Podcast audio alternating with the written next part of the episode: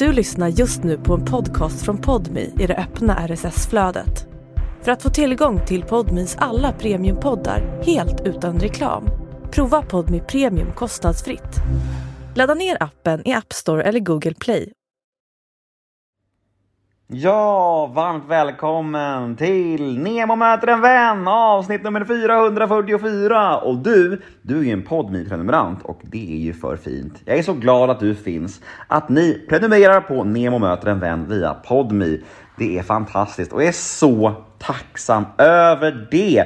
För det är så kul att göra den här podden fortfarande efter alla dessa år och ja, jag är bara så glad att vi kör på med detta. För vi gör det här tillsammans.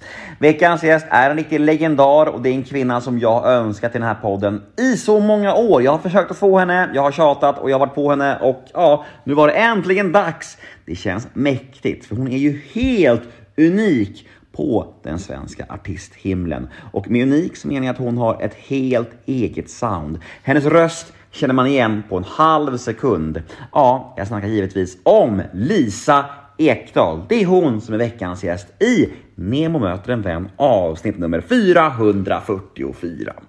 Jag heter Nemo Hedén på Instagram och min mail är gmail.com om ni vill nå mig. Kanske önska en poddgäst eller vad som helst. Och den här podden klipps av Daniel Eggemannen Ekberg, precis som vanligt. Men jag ska inte snacka mer än så här. Nu dunkar vi igång avsnitt nummer 444 av Nemo möter en vän. Och här kommer hon nu, Lisa Ekdahl. Men först kör vi en liten jingel.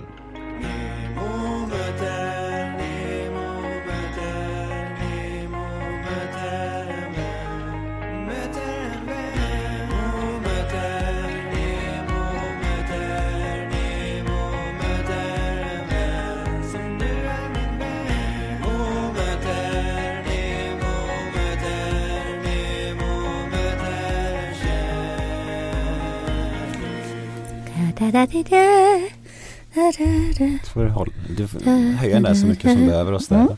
Ja, ska vi köra? Ja, absolut. Vi kör Nemo möter en vän med Lisa Ekdahl. Mm. Hej, Hej. hur mår du? Jag, jag mår utmärkt tycker jag faktiskt. Jag har varit nu på morgonkulan hos eh, en väldigt bra osteopat. Som, har varit hos osteopat? Min mor har varit mycket på det, eh, Mm. du kan ju utveckla lite för de lyssnare som inte har koll på det. Ja, mm, ja men det är någon som rätar ut ens kropp när man har suttit mycket på tåg och i bilar och i bussar som är ändå en del av en, en kringresande artists liv. Så det gjorde jag innan jag kom hit och så kom jag till dig.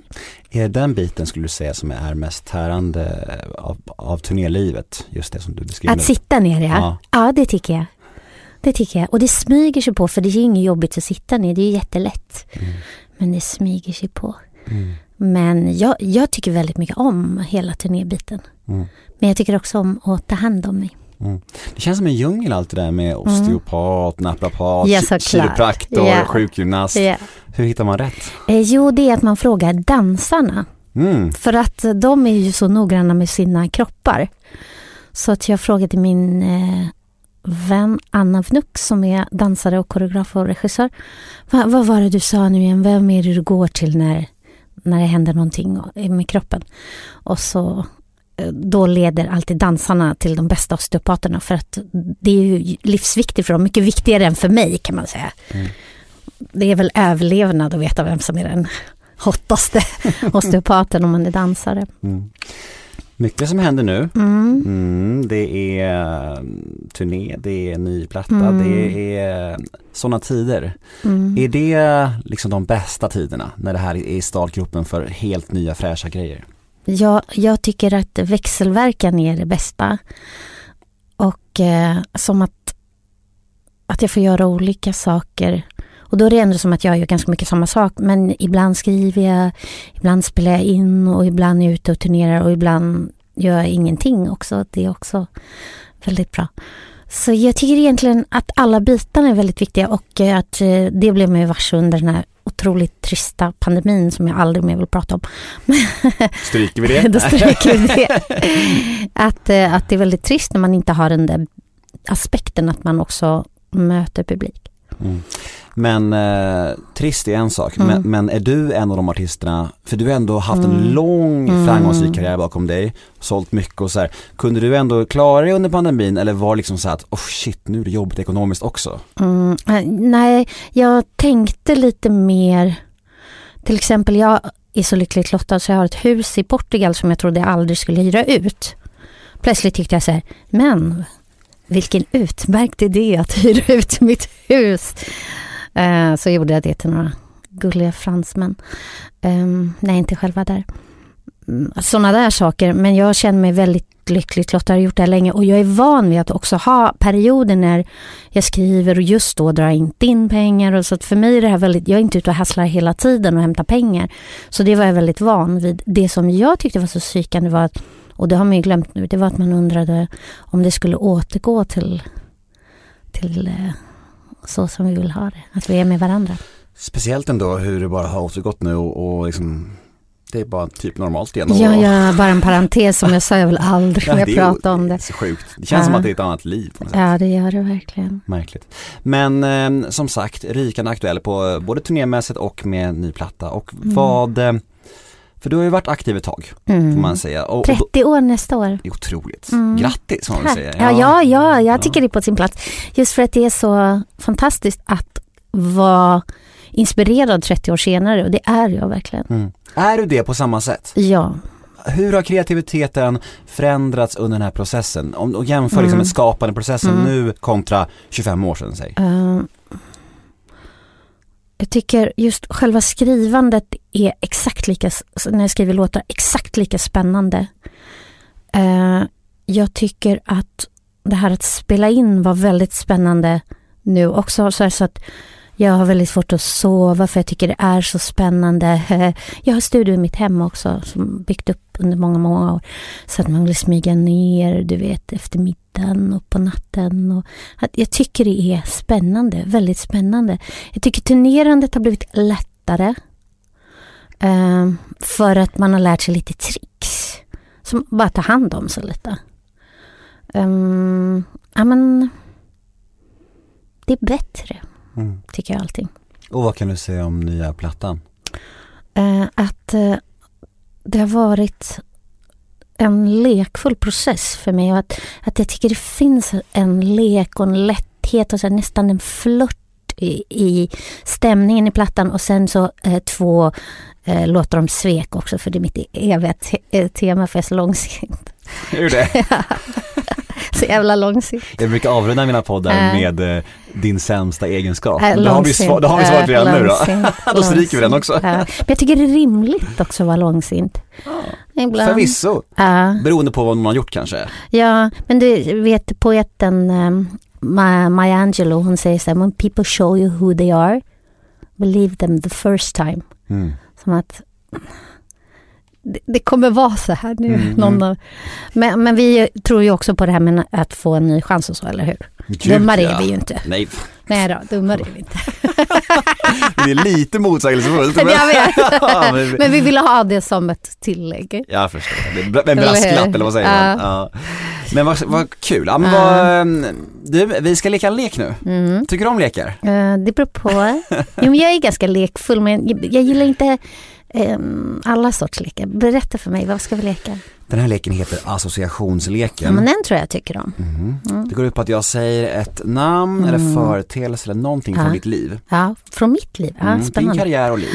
Och du ska säga de orden, tankar och känslor som Mm. kommer till dig när du hör ordet. Hur långt vill du jag ska svara ungefär? Du får helt upp till dig. Okej. Du kan mm. utveckla i fem minuter eller i fem sekunder. Ah, Okej, låt oss göra det. Friheten är total. Ah, Mm.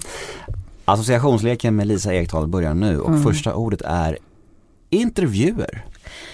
jag tänkte när jag åkte till dig hit nu, Nemo, att det borde vara egentligen jag som har den här podden.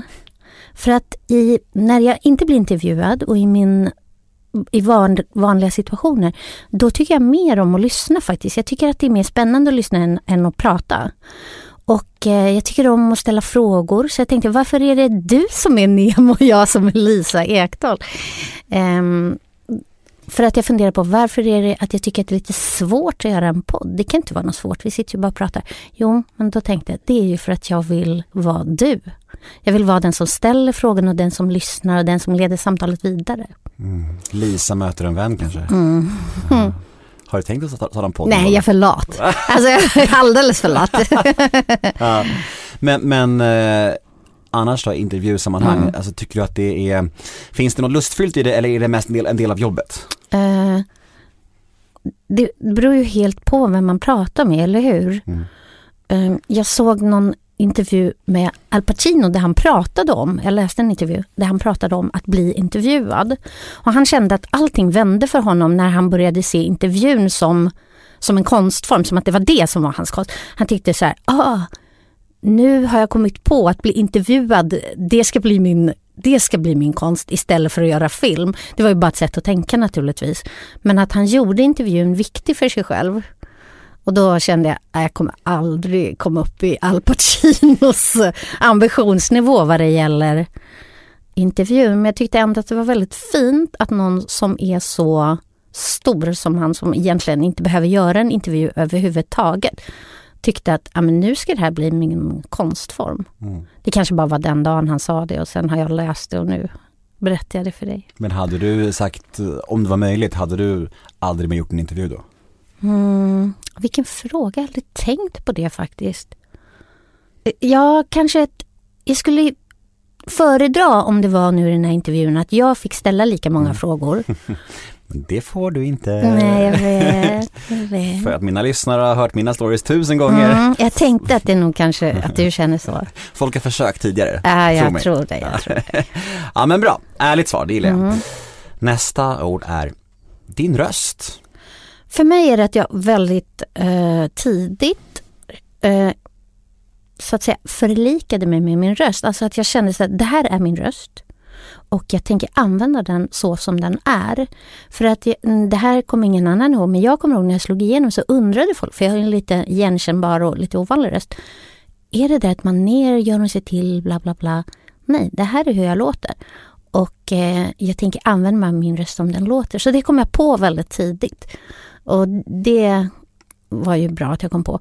För att det är det vi alla gör, vi letar efter någonting som, som är unikt för oss förhoppningsvis. Och då har jag den här rösten då. Ja men jag tänker på det där, att mm. det finns vissa artister då som har verkligen det här signifikativa mm. i, det liksom, mm. som man känner igen på en sekund. Mm. Eh, du, ja men typ såhär Uno Svenningsson, ja, det finns flera som är ja. såhär Okej, okay, där är den. Ja, exakt. Mm. Men när du upptäckte att det mm. verkligen gick hem, blev det så att du så här öser på med det då eller var det bara, du bara körde på med samma grej? Alltså jag eh, fattade det beslutet innan det hade gått hem. Uh, och det är det som är att ha konstnärlig integritet. Att bestämma dig för att här är mitt ID, jag tänker använda det innan någon ropar hurra. Mm. Och det är det som är att vara konstnär överhuvudtaget, att inte behöva den bekräftelsen för att Eh, skapa någonting. Så, eh, och sen fick jag supermycket gnäll. Att folk tyckte, åh vilken pipig röst, bla bla bla, bla bla bla, bla bla bla. Eh, men då kände jag att jag faktiskt inte brydde mig om det. Du har aldrig blivit ledsen över det? Kanske någon gång. Mm, jag har blivit lite så här, åh, det var ett jävla tjat. Mer så. Mm. Men inte ledsen, inte så, så sårad eller något sånt. Nej bra. Ah. Lars Winnerbäck. Lars Winnerbäck. Eh, eh, Lars har ju producerat faktiskt två av mina album men inte skrivit låtar med mig som många tror. Eh, jag tyckte när han gjorde det att det var väldigt kul att en låtskrivare producerade ett album med mig för att det var som att han tänkte väldigt mycket utifrån låtskriveriet, själva låtskriveriet. Så jag tyckte nästan det var det jag gillade mest med att, att jobba med honom, att vi var två låtskrivare, att jag fick studs på, på den aspekten av mig. Han tänkte nästan inget, tycker jag, på min röst eller något sånt där. Men han sjunger väl också Han körar på något, inte så? Ja det gör han. Det blir väl så man är i studion och så bara äsch. Ja, ja. på med några hörlurar och är med och sådär. Mm. Men hur kommer det sig att ni jobbar ihop? Eh, han frågade mig om en annan sak faktiskt som jag tackade nej till. Jag ska inte säga vad det är. Jo, säg. Snälla, bjud på det. Det är preskriberat Lisa. Men han kanske inte tycker det. Men då frågade jag honom, du kommer jag med mu. Men han är så, han är så Snäll, känslig? Snäll och integritetsfylld själv så vi kan väl... Ja. Men han frågade mig något och då ah, kände jag inte det var rätt så frågade han honom om det här istället. Ja. Så så gick det till. Okej, okay, så det var han som bjöd in sig kan man säga? Ja, ja. först var det det. Coolt ju. Eh, tycker mycket om eh, ert samarbete. Tycker, Han är underbar. Ja, väldigt duktig, väldigt mm. begåvad. Och det är mm. du också, det vet du ju. Ja, tack. Ja, men vi ska inte ge det för mycket bekräftelse. Det är en lång podd. Det är en lång podd, vi har tid på oss. vi har tid på oss. Eh, nästa är Så mycket bättre. Mm. Vad väcker det för känslor dig? För mig var det en resa med Så mycket bättre för att jag hade alltid tänkt som att det skulle vara helt uteslutet att jag skulle vilja vara med på det. Och när en skivbolag frågar, men vill du göra Så mycket bättre? Tyckte man, varför frågar du mig ens något så dumt? Till att jag började tänka, varför inte? Till att jag verkligen ville göra det och man har ett samtal då, du kanske vet hur det går till. Man har ett samtal med produktionen och, och då var det som att jag kände så här, men nu ska jag liksom pumpa den här produktionen lite och kanske reta någon lite och så här, och bara se vad som händer. Och så gjorde vi det och så blev det väldigt kul. Men i ett sånt beslut tänker jag, för du är en mm. artist som man kanske inte förväntar sig där, som du är inne på själv. Mm. I ett sånt beslut, hur mm. mycket spelar det ekonomiska in, hur mm. mycket spelar PR-grejen in och hur mycket spelar de andra deltagarna in? Mm. Alla de här spelar in, tycker jag. Pengarna, nej, för mig faktiskt, om jag får säga det. Och det känns lite fräckt att säga för för någon kan de pengarna vara enormt viktiga. Men däremot det här att du når ju ut väldigt brett, så en förlängning blir väl det pengar också. Så mer så då i så fall. Men det här att du når ut så brett också, på ett sätt där du faktiskt håller på med det du gör. Det vill säga sjunger och spelar en gång i varenda program. Det kände jag egentligen, när jag började tänka på det, men är det inte ganska logiskt att göra det här och du kan bara skriva om allt hur du vill. Och så tänkte jag att alla de där andra ingredienserna som är runt omkring om något var obekvämt, det var bara glida lite. Så märkte jag att det var ju jättelätt. Mm. Och jag tyckte inte alls det var jobbigt. Men nej, för många gnäller ju på det. Det här med långa dagar, lite sömn, jada jada jada. Yeah. Är, det bara, är det bara gnälliga artister eller? Eh, nej, jag tror att det beror på hur man uppfattar det. Eh, för mig kände jag väl att vi var faktiskt en väldigt bra grupp mm. då. Och sen hade Fred Wadling dött precis innan han skulle vara med. Och det gjorde, tror jag, att vi samlade ihop oss lite. Och eh, till exempel att det inte blev feststämning. I inledningsvis i alla fall. För att någon just hade dött och eh, vi skulle göra en hyllning till honom. Han var inte där. Det blev en väldigt speciell känsla. Eh, så ingen var jobbig. Uh, och, ja, och sen hade jag så enkla trick som var så här, man tar ju inte en drink på morgonen och sådana där enkla trick. Som inte alla har förstått. Sunt förnuft egentligen, men kanske inte för alla. inte för alla. Nej, men så, är det. så lätta tricks bara. Ja, jag fattar. Jag kommer ihåg att du tolkade Magnus Carlssons mm. Eh, låt, mm. Weeping Willows Magnus. Mm. Uh, min pappa spelade ju klaviatur med Weeping Willows, äh. första tre plattorna. Wow. Så tack för stimpengarna. Ah. Fast nu tolkar du en, en, sol, ja, en sololåt, en sololåt. Ja, det, det. Ja. Det, värsta, det värsta av allt ja. Mm. Just det. Mm. Jag tycker om Magnus väldigt mycket. Ja men det var fint. Han är, han är underbar. Oh, jättefin och jävla röst. På tal om röster ja. Ja, ja, ja, ja. Där har vi också en sekund bara. Hans, uh, är han är grym alltså. Ja, han är underbar. Uh, och vad han grät så mycket. Han grät så han mycket. Var så fint. Det var underbart. Ja, ja, alltså det är någonting fint och renande i så mycket tårar alltså. och så grät han och, och så sa han så här Uh, han grät och grät och grät. Sen sa han, uh, jag trodde att jag var okej. Okay. Och jag sa till honom så här, Magnus, du är okej. Okay. Mm. Om det är så det är. Mm. Det, det enda som händer är att du gråter. Mm, ja men precis. Och jag tror han också är ganska, o, alltså jag tror inte, han gör inte så mycket intervjuer, också mycket integritet mm. och så. Jag tror inte han, lite såhär bara, oj vad händer nu? Du vet, ja. man blir chockad av ja. vad som händer. Men det är ju bara fint. Han var ljuvlig, mm. verkligen. Ja, det var en toppen säsong, jag vill säga det. Tack. Eh, nästa då. Vilken ska vi ta? Vi tar Vem vet? För mig är det att jag älskar mina gamla dängor och jag vet att på riktigt också, att många artister inte gör det och att man känner sig lite spänd, att man är förknippad med något visst och sådär. Så är det inte för mig. Jag tycker att det är underbart med att ha en gammal dänga. Nu var det något så här, vem var det?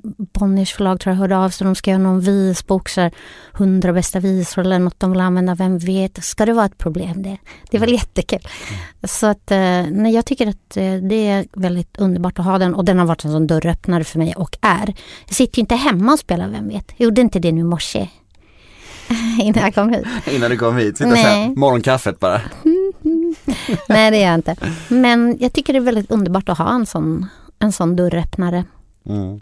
Men, men just det här ditt enorma genombrott, mm. om vi ska dröja lite mm. vid det. Mm. Eh, den perioden att, att bli så otroligt stor med sin mm. första platta, hur minns du den perioden? Eh, väldigt turbulent och om jag ska vara riktigt ärlig så minns jag inte allting jätteväl heller som inte har med någon eh, missbruksproblematik eller någonting att göra utan att det bara hände så många saker.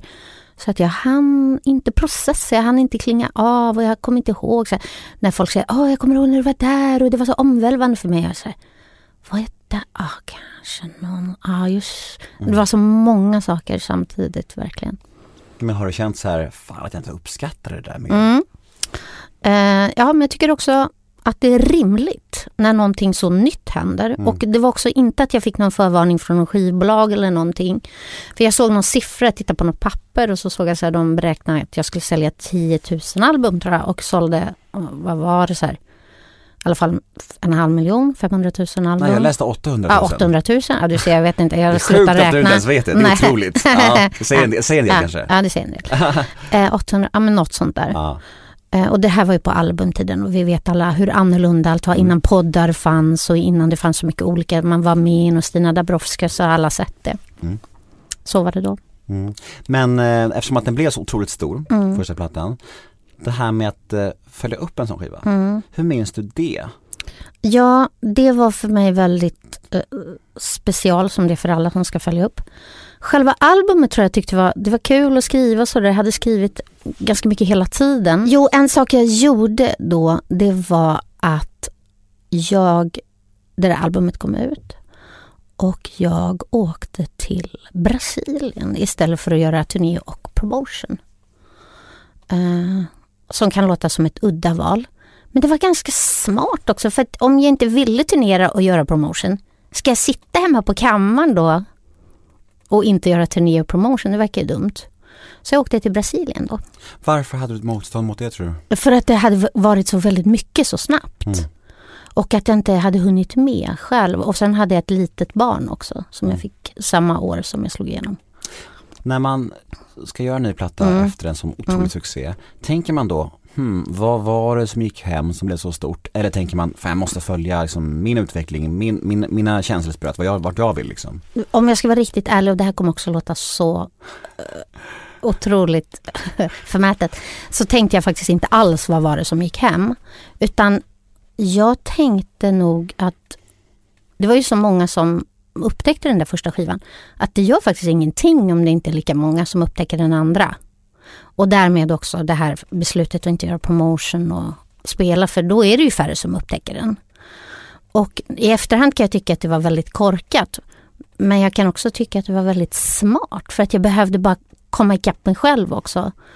Och det gjorde jag också då. Mm.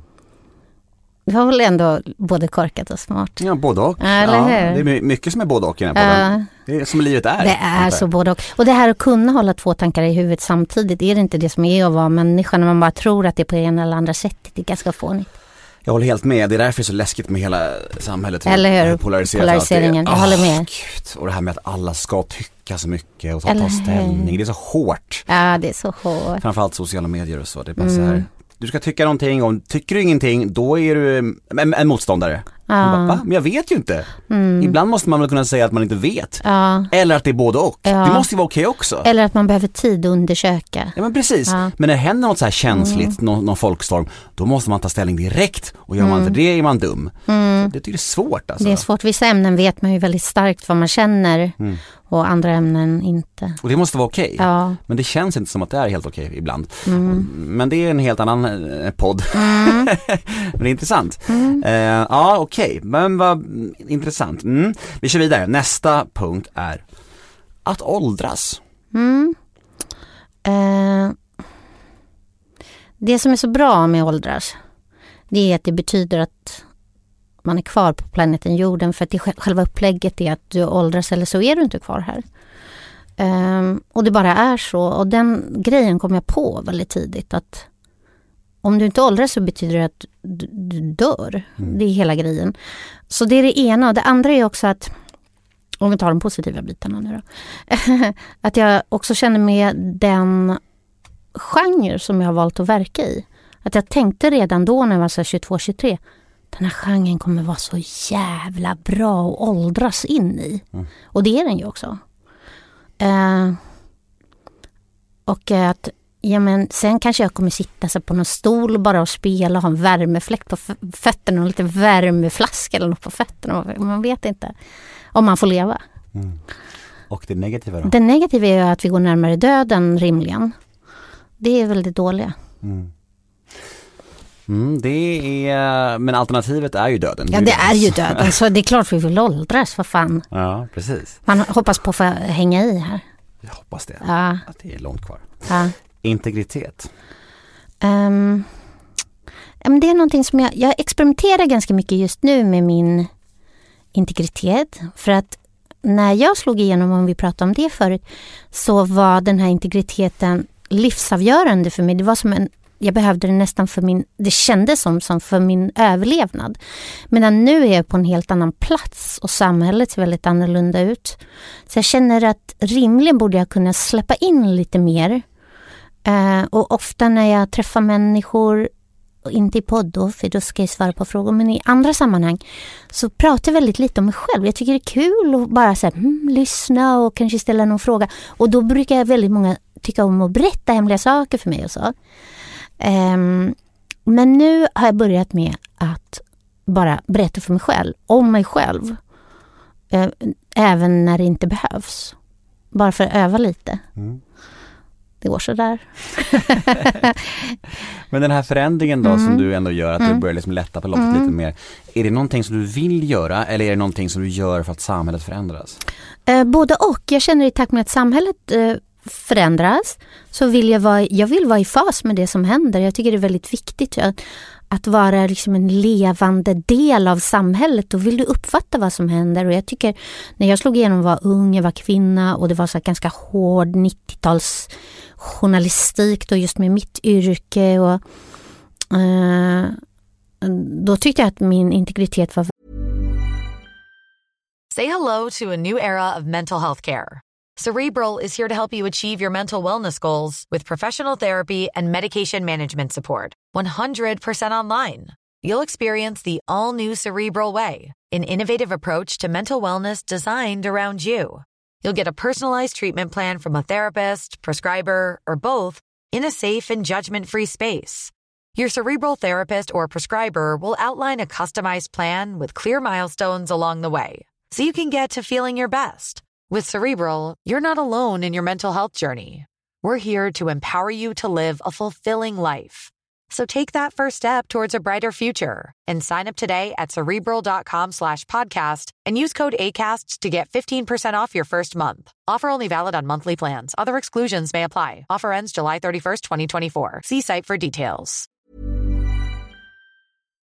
Nödvändig för mig. Medan nu känner jag till exempel som ett exempel just med sociala medier, att det är så många som uh, bara berättar allt om sig själva. Det behövs inga paparazzis för att folk själva berättar. Och, mm, så att hela den där sensationslystnaden, har inte den försvunnit lite i samhället? Jag hoppas. Ja, eller är det bara jag som tycker det? Men det här med, om man ska tänka yrkesmässig integritet då, det här med reklam och sånt här. Mm. Jag tänker att du, eftersom du har så speciell mm. röst så mm. antar jag att du har fått sådana frågor. Ja, hela tiden. Ja, det är klart du har. Och det, har du gjort något sånt? Uh, nej, jag gjorde faktiskt i Frankrike för Cacharel, så det var ju så väldigt high-end för tusen år sedan. För uh, en parfym, Annie, Anis, mm. Anis. Um, Nej, men jag ska inte säga så här. Jag ska aldrig göra reklam, jag vill inte vara dömande runt det. det jag har inte gjort det för, jag har inte heller känt att jag behöver. Nej. Nej, har man sålt 800 000 så. Men behöver man klart man ska göra. Ja, men jag vet, jag förstår. Eller hur? Ja. Jo, har du man, gjort? nej, nej det har jag inte. Nej, nej. Och jag tänker, nej men samma skäl. Och sen så känner jag också så här, det är så många som gör reklam för saker som kanske inte jag riktigt, ja, men mycket, det är mycket spelreklam och sånt där. Mm. Det känner jag bara så här, jag får ont i magen av det liksom. Ah. Så att jag skulle, jag stänger heller inga dörrar liksom. Nej, Dyker men tänk upp. om någon frågar om något helt ljuvligt. Ja. Eller, nu gör, Då gör vi ju det. Ja men nu gör jag också precis nyss, för jag är faktiskt här, jag åkte ju faktiskt med, eh, alltså ba, jag har ju två små döttrar mm. som är tre och sex år mm. och när saker är saker som de gillar och jag kan få någon slags reklam där de får förmåner så då nappar jag på det. Aha. Det gynnar ju dem och det tycker jag bara härligt. Liksom. Jag nappar aldrig på något som gynnar mina barn. Nej du ser, vi är, vi är olika. Men, men vet du vad, jag har inte sålt 800 000 plattor heller så det, det finns en skillnad där. Och jag har inget hus i Portugal heller. Nej. Så Lisa, du behöver inte vara så nöjd över det där, okej?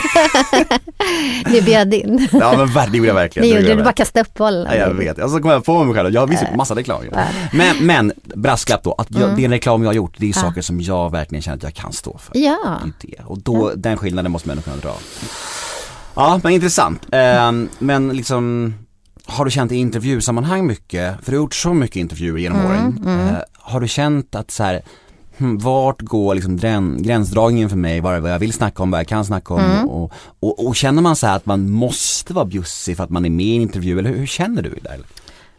Jag tycker att egentligen det där är en väldigt nyanserad fråga och det är svårt att svara nyanserat. Men jag känner, ibland har jag känt just för att jag är en person och en artist med integritet, att jag bara sitter och duckar i en intervju. Mm. Och du måste ju ha känt tusen gånger, det kommer någon bara ducka, ducka, ducka. Och sen, mm. och sen går man därifrån och känner så här, men gud vad bra jag duckade. Som en politiker? ja men alltså, och det är så meningslöst och det känner man ju sen efter en liten stund känner man att det där att sitta och ducka är ju inget roligt alls. Har du duckat mycket nu? Nej, jag tycker inte jag har duckat så mycket nu. Men du har inte heller gjort något jag var tvungen att ducka. Du har ju bara gjort ganska gulliga grejer. men ganska snäll, ja. det får man säga. Ja. Det, det kunde vara värre. Mm. Ja. Jag fortsätter vara snäll. Ja. Det är bäst så. Stämningen är det bästa, det är äh, det viktigaste. Eller hur, för det är också, din podd är ju mycket sällskap för människor. Verkligen. Och, och då är det så här, om jag sitter och duckar och du sitter och attackerar, det är ju inte så trevligt sällskap ju. Nej, man vill ju liksom att, att sina gäster ska känna sig trygga. Men får jag säga en grej som jag tycker på riktigt? Om Kör. jag var en intervjuare. Kör. Det är att också så här, man vill inte bara få fram information utan när man pratar så hör man hur en människa associerar. Och att höra hur någon associerar det är att lära känna någon. Mm. Det, jag tycker det på riktigt. Eller för mig är det så, när jag lyssnar när människor pratar, då lyssnar jag nästan bara efter det. Att, så aha, hur, hur, hur snabbt vände man från ett ämne till ett annat? Hur associerar man? Hur rörde man sig mellan samtalen? Sådana saker för mig är att lära känna någon. Och jag tror att det är för många människor fast de kanske inte har uttalat det för sig själva. Mm. Är det inte? Jo men det tror jag. Det är därför det heter associationsleken. Ja precis. Nej men du har en poäng, absolut ja. så är det ju. Och det är mycket intressantare då också. Än mm. bara liksom frågor och svar. Det blir så mm. stoppigt och mm. stalpigt liksom. Så det, jag håller helt med. Mm. Är du med på nästa? Mm. Mm. Nästa är kritik. Det gillar du inte. jo, det gör jag. Jag vet när, ibland när jag har känt mig kritiserad. Vi säger om du får kritik i en tidning eller sånt där, eller bara generellt. Då har jag känt att det är väldigt lätt att själv känna sig kritiserad. Men om någon annan läser den här kritiken så tycker de bara, att ah, det där var ju knappt kritik. Mm. Det har hänt mig så här, jag tyckte jag fick en hel, jag har berättat det förut, men jag fick en hel recension i DN. När jag tyckte jag hade gjort något så fint som jag hade hållit på med. Och så bara samlade ihop mig ändå och tänkte dagen måste fortgå så jag bara gick ner till mitt lokala fik och då satt det fem musiker där och ropade grattis till den underbara recensionen i Dagens Nyheter, så att de med DN uppslagen. Då kände de så, för det stod väl lite bra och lite dåligt och själv tittar man på det som kanske var mindre bra. Mm. Jag undrar vad det där beror på. Jo men det där är ju överlevnadsmekanism, mm. det måste du väl mm. ha tänkt på eller? Jo men jag tänker, ja, men min tolkning av det mm. är att det handlar lite om kanske om någon slags dålig självkänsla. Att man liksom utgår från det sämsta på något sätt. Nej men jag tror att det är så här, du letar efter vad, du gör en felsökning. Mm. Och du säger så här, åh, där fanns ett fel, där fanns ett fel. Och ett fel kan ju i, i tillvaron, det skulle kunna trippa allting. Säg att du gör tio saker rätt och så gör du ett fundamentalt mm. stort misstag. Då kan ju det bara, allt kan rasa, allt du har byggt upp, din familj, du, du vet allt om det här. Mm. Allt du har byggt upp kan rasa för att du gör ett fundamentalt fel. Så att jag tror den här felsökaren, och om man börjar tänka så, ja men det är klart att jag har en felsökare. Jag tittar lite så här, hmm, ja där var det något negativt, där kom en attack, där kom något de kan ha rätt i, men det där var, tycker jag, håller jag inte med om. Mm. Då blir det ganska avslappnat faktiskt. Men är det samma mekanismer som bakom det här fenomenet att, man, att får man tio kommentarer som ja. är bra och en ja. negativ ja. så är det ändå negativa man kommer ihåg? Ja. Men om man vet om det så är inte det så, så stor grej. Egentligen. Nej, Nej, nu fick jag en ny förklaring på det. Ja. Bra, då kanske jag kan liksom tänka annorlunda när det händer. För ja. det händer ju än idag, ja. hela tiden liksom. Ja. Att jag ändå hänger upp mig på det negativa liksom. Ja, vad, vad, kan du få för negativ feedback då? Nej men det kan ju vara vad som helst. Man släpper en podd så får man massa fin och kärlek och så kommer någon bara, ja ah, men jag tycker ljudet var lite svagt eller du var för stressad där eller den där du missade en följdfråga där. Just det. Ja, och då är jag bara så här, jag är så dålig. Istället för att bara säga, oh wow, 25 pers sa att jag var jättebra. Mm. Du vet, det är bara knäppt. Och jag trodde alltid att det handlade om att jag hade dålig självkänsla snarare. Mm. Att jag liksom tyckte, alltså så här, såg, men baserade mig själv på någon slags prestation, jag vet inte. Men har du dålig självkänsla? Jag har trott det hela mitt liv fram tills nu. Mm. Ja, kanske, kanske. Men rätt ut det, det är, ing, det är ingen stor sak. Du bara säger, oh, det träffar lite i hjärtat och sen ja. går du vidare. Ja men precis, det är faktiskt ingen stor sak. Det är det du gör. Ja, efter idag i alla fall. Mm. Nästa punkt nästa ord är alkohol. Mm. Eh, eh, men som alla andra så tycker jag om alkohol naturligtvis. Och eh, jag gillar eh, bubblor. Eh, jag tycker om eh, vitt torrt vin. Eh, och eh, jag håller, i likhet med många andra, ögonen på hur mycket jag dricker. Eh, och det känns viktigt för mig att göra det. och jag vet att du har ju den här beroendeproblematiken på en helt annan nivå. Um, men jag tror att det är klokt för oss alla att hålla lite, jag räknar glas och sådär. Mm. Tror du att det är extra sårbart att vara uh, i din bransch? Ja, jag vet att det är det. Och jag tror också att det är extra sårbart att vara kvinna. Jaså, utveckla. Uh, ja men det det finns inte samma tolerans mot en alkoholiserad kvinna som en alkoholiserad man skulle jag vilja säga. Det är en åsikt jag har. Mm. Nej men jag tror att du kan vara på spåren mm. Jag tror att skammen mm. i det är nog ännu större. Det tror jag också. I en redan väldigt skambelagd ja, problematik. Ja, ja, ja, tro mig, tro mig, jag förstår. Mm. Men jag tror att det är ytterligare skamfyllt och skambelagt för en kvinna att vara alkoholiserad. Mm. Eh, och sen också hade jag förmånen att få eh, arbeta med Monica Zetterlund som var alkoholiserad när jag var ung. Och hon är, hon är för mig, en, och som för oss alla, hon är en så stor ikon och hon har så mycket att ge. Och sen var hon ju sjuk också, men den där alkoholismen hjälpte ju inte till. Och det, ja, men det förstörde så mycket för henne. Mm. Det gjorde ju det verkligen. Hur var det att jobba med henne? Hur var hon? Ljuvlig och alkoholiserad. Och det tänkte jag på då. Hur kan någon som är så ljuvlig har en sån enorm precision som hon har.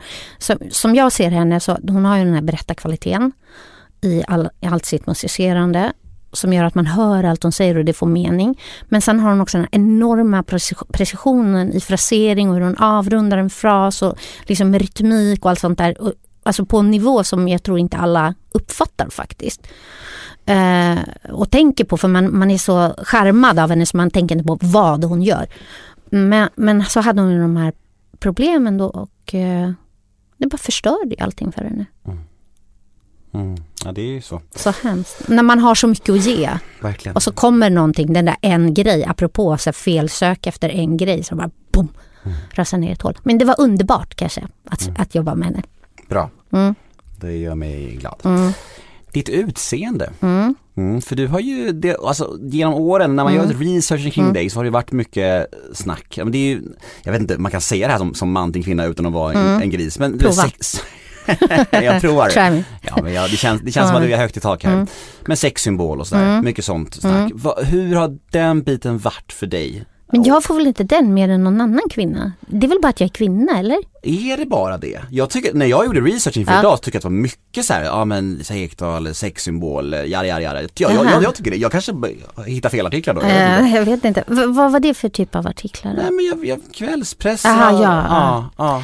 Uh, jag trodde det mer bara var att man, att man är kvinna och syns. Ja, kanske dels, men jag vet inte. Vem du men du har gjort research på många så det kanske var lite mer på mig där. Ja, kanske. Du upplever inte att det har varit ett eh, snack om dig om att, men snygg, liten sexsymbol, ja men det genom åren? Jag trodde det, jag trodde bara att alla fick det.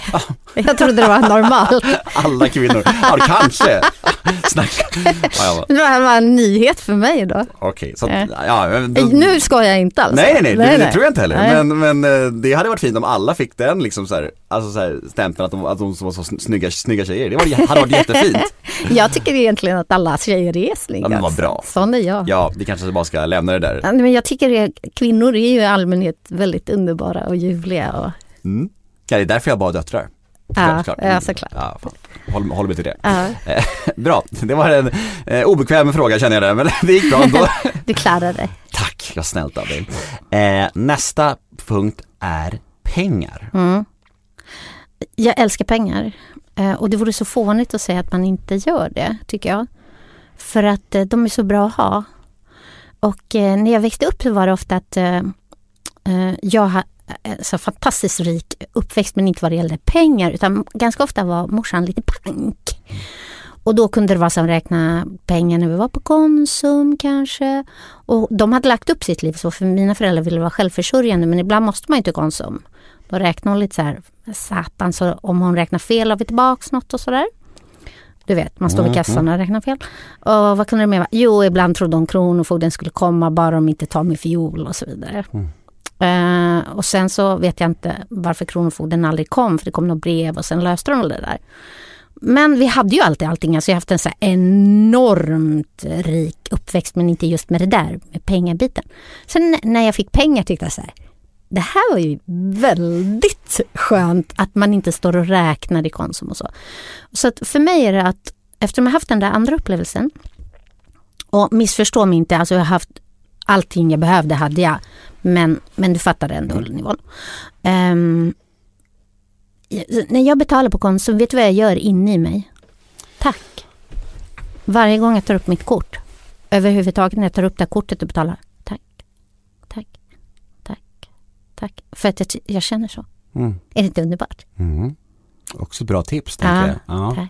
Tack. Ja men det är mm. bra. Mm. Det kanske också får att göra att man uppskattar saker mer. Äh, jag. Ja, gör du verkligen. Ja, bra. Det ska jag börja göra. Eh. Om du känner det. Jag tror att man känner mer av att säga det också. Lite mm. learning by doing kanske också ja, tänker jag. Eh, lite, men jag vet inte, men det är en bra grej bara känner jag. Mm. Eh, offentligheten. Mm. Du har ju varit offentlig 30 år nu. Mm, det har jag. Jag antar att nu är, det ju, är du blasé inför det på ett sätt, mm. lite grann. Men hur har det varit genom åren att vara så pass känd som du har varit? Alltså inledningsvis tyckte jag att det var jättejobbigt och det har jag nästan glömt nu. Men jag kommer ihåg att jag tyckte det. Men jag har nästan glömt känslan av hur jobbigt jag tyckte det var. Uh, men nu, jag bor ju på Södermalm, jag tycker alla är kända. Det känns så för mig. Jag vet inte vad du tycker när du går runt på Södermalm. Vart på Söder bor du? nära äh, Eva Maria? Ja, ah, ja, ja, ja Eva ser hela tiden. Eva, ja, och jag älskar när jag ser Eva. Och ehm, Robin? Ah, henne ser jag faktiskt inte så ofta. Men man ser ju alla. Ah, ja, ja. Jag såg Danny Saucedo i morse ah. när jag kom från osteopaten. Din gamla Så mycket bättre ja, kompis. Så mycket bättre. Hälsar ni eller? Nej men, det är klart vi gör. Ja, jag vet inte.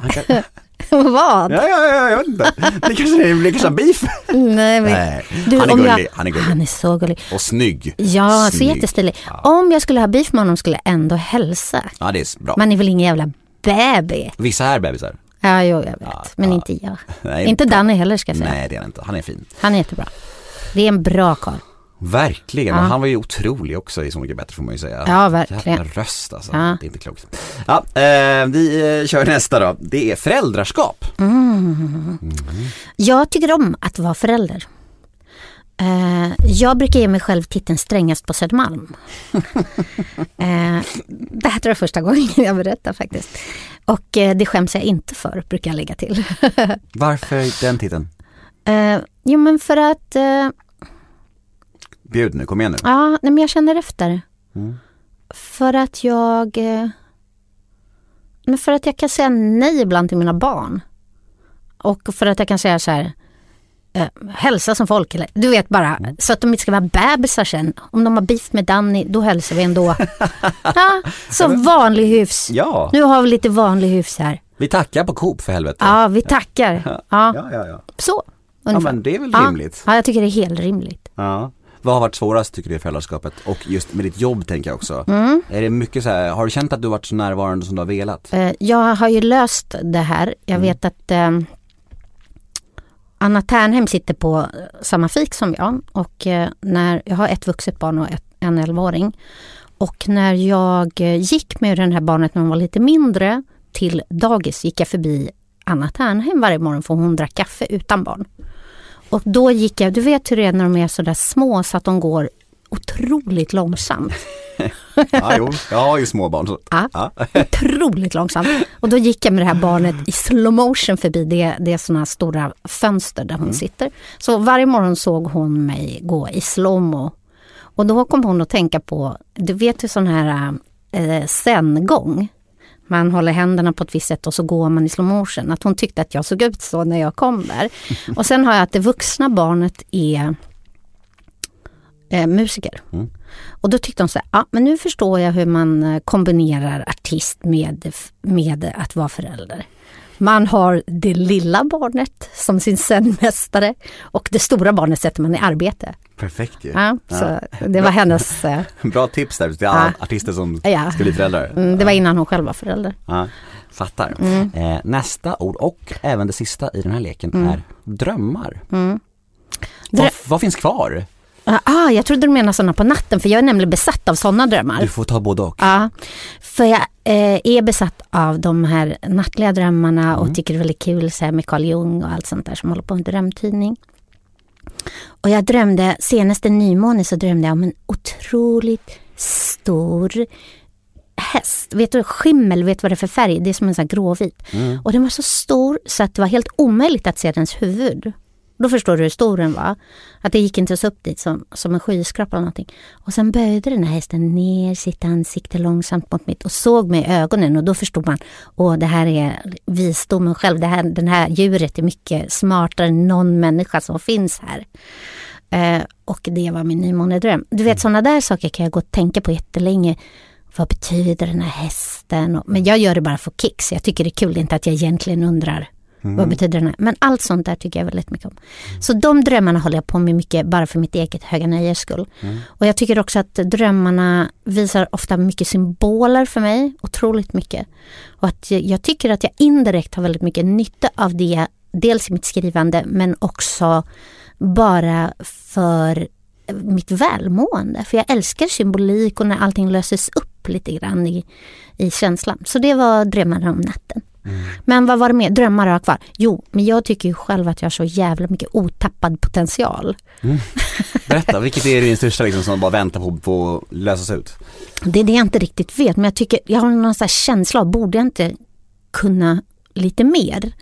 Och anledningen att jag tycker det tror jag är att jag gör ganska mycket bara saker utifrån mitt eget huvud hela tiden. Mm. Ja, nu ska jag göra det här och så sätter jag igång med det. Ja, jag tror jag ska skriva en platta, jag tror det ska vara på svenska, jag tror det ska heta Bang Bang i mitt hjärta. Och så håller jag på med det och sådär. Och det är klart jag samarbetar med andra men som när jag samarbetar med Lars Winnerbäck det är inte så som att han tillför något helt nytt. Det är mer att jag tycker så här, ja, det är härligt att ha en annan låtskrivare med, något som jag redan gör mm. själv.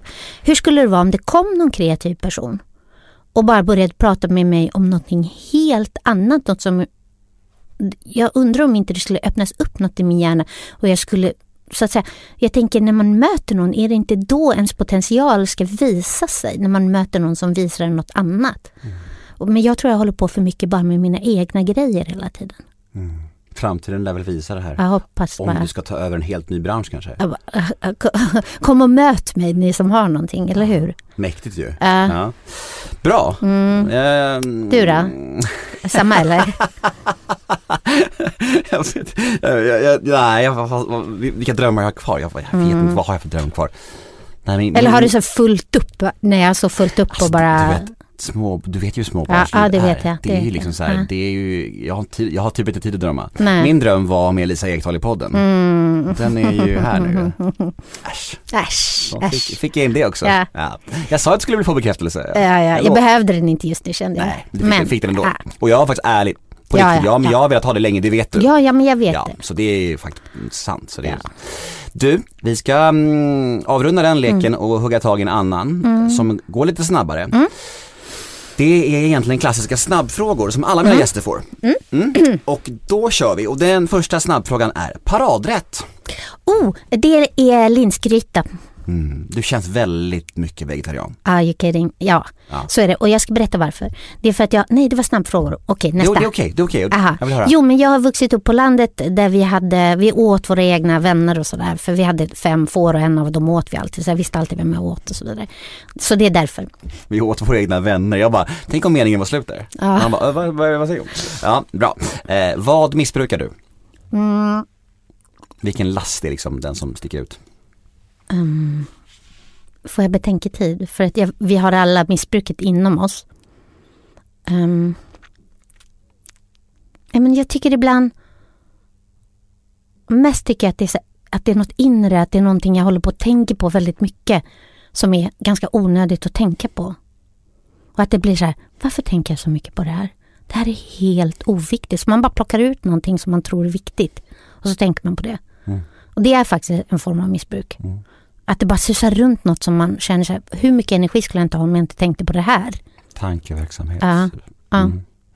Vilken egenskap hos dig själv föraktar du mest? Där har vi den. Kommer du ihåg vad du långsint. sa? Ja, långsint. Men de hör ihop också. Ja. Är det långsint som är den egenskap som du känner är jobbigast med dig själv? Som du har, oh, den är lite, lite oskön. Ja. ja. Men den är väl otrevlig hos alla? Alltså jag gillar inte när andra är långsinta. Nej, absolut inte. Men du kanske hade något annat som stack ut också, tänkte jag. Jo, det har jag. låt, låt höra. Eh, jag tycker ändå långsint, den rymmer så mycket. Mm. Den rymmer massor med dåliga sidor. så är det. Ångesttrigger? Eh, det är icke-kontakt faktiskt. Som om man står och pratar med någon och man inte får kontakt, det tycker jag är väldigt jobbigt. Mm. När grät du senast? Oh, det var igår. Eh, Vanna Rosenberg eh, fyllde 50. Mm. Och hennes underbara väninna eh, Eva Röse höll ett tal. Och jag grät hela talet. Mm. För att de, hon berättade så vackert om deras vänskap. Och vänskap är ju så underskattat. Fast det börjar få lite mer eh, plats i människors... Alltså vi börjar förstå mer hur viktiga vänskaper är, eller hur? Mm, börjar få den cred som den förtjänar. Som det förtjänar, mm. ja. Vad lägger du mest pengar på? Oj. Uh, mitt boende antar jag. Mm. Eller? Typ osteopater och så? Uh, uh, nej, inte det. men när du säger ditt boende? Nej, mitt boende. Alltså, oh, så här, som att jag har, jag, uh, jag har ett Portugal. hus i Portugal ja. och jag har en stor studio. Jag tror du sa mitt mående. Ja, nej, det jag inte så mycket ställa på. nej, men jag har allt det där ja, också. Det, ja, ja. Klart, klart har du. Klart jag har. Ja. Eh, vad tror du andra människor tänker på när de tänker på dig? Och då vill jag ha två svar, både mm. den offentliga bilden mm. och dina privata kompisar. Okej, okay. Eh, den offentliga bilden är ju vem vet. Det är det mest, de flesta vet bara vem vet om mig. De vet inget annat om mig tror jag. Som Lisa Ekdahl vet hon, ah, det är vem vet, eller? Så det var lätt. Men mina kompisar.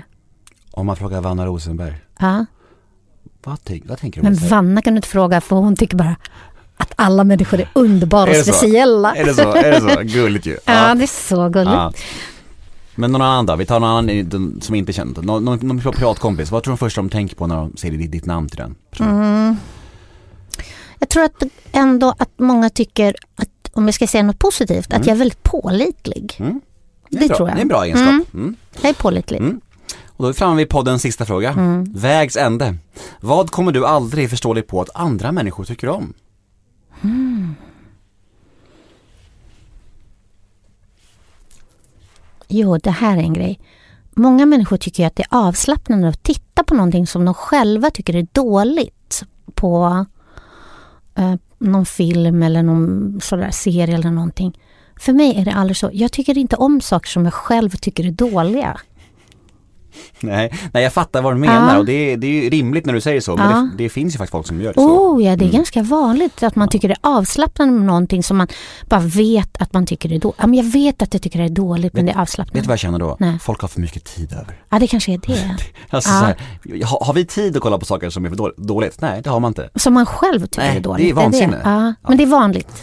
Ja, det är det, det, det det vet jag också. Du, vi mm. Eh, är faktiskt klara.